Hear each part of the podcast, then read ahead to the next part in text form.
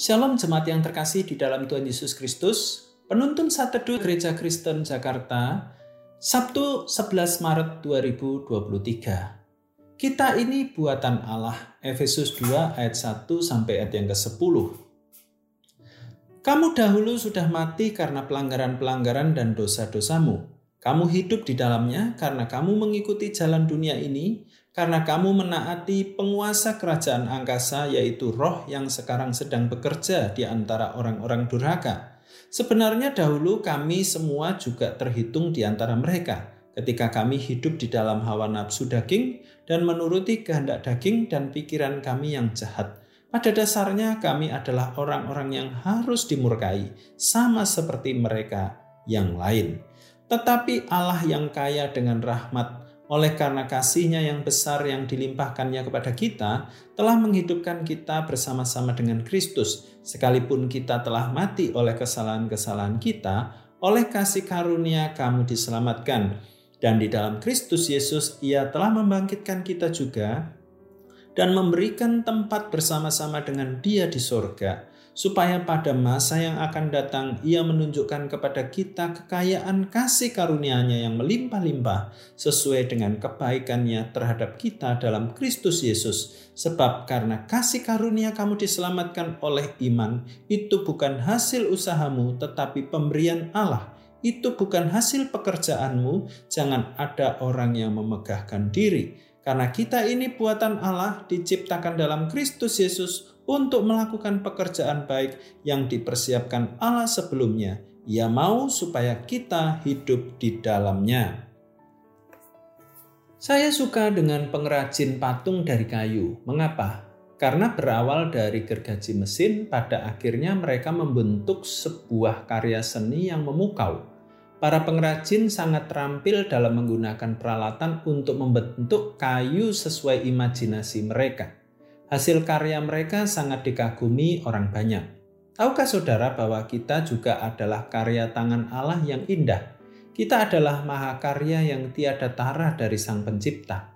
Ia telah memberi kita kemampuan penuh untuk melakukan pekerjaan baik yang telah Ia persiapkan di dalam natur kita yang baru. Allah ingin kita hidup di dalamnya. Makna pekerjaan baik yang telah Allah persiapkan untuk kita tertulis dalam surat 1 Korintus 12. Di sana kita mengerti bahwa sebagai anggota tubuh rohani kita melakukan apa yang diperintahkan oleh kepala, bukan kita yang menentukan seperti apa pekerjaan baik itu. Karena itu ada dua hal yang perlu kita cermati Pertama, waspadai kecenderungan kita menggunakan Allah untuk mencapai rencana hidup kita sendiri. Kita menganggap Allah itu sekadar sebagai sarana atau alat. Banyak orang Kristen yang tidak serius menggumulkan rencana hidup seturut dengan kehendak kekal Allah.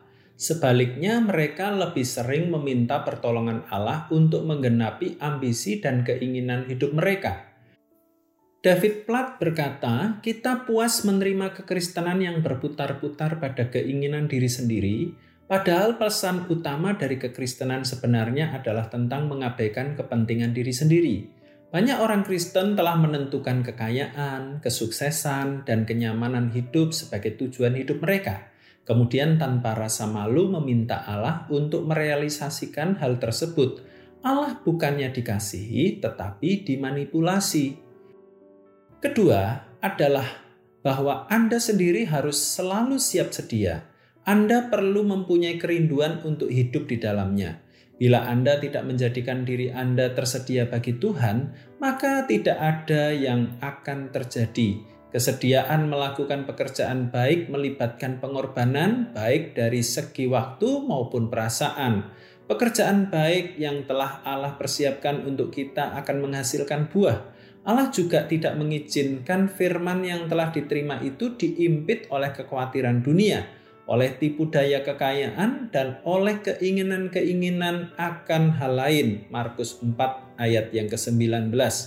Allah ingin agar kita menjadi orang yang berakar kuat dan menghasilkan buah bagi kemuliaan Bapa. Allah ingin agar kita menjadi orang yang berakar kuat dan menghasilkan buah bagi kemuliaan Bapa. Selamat beraktivitas, Tuhan Yesus memberkati.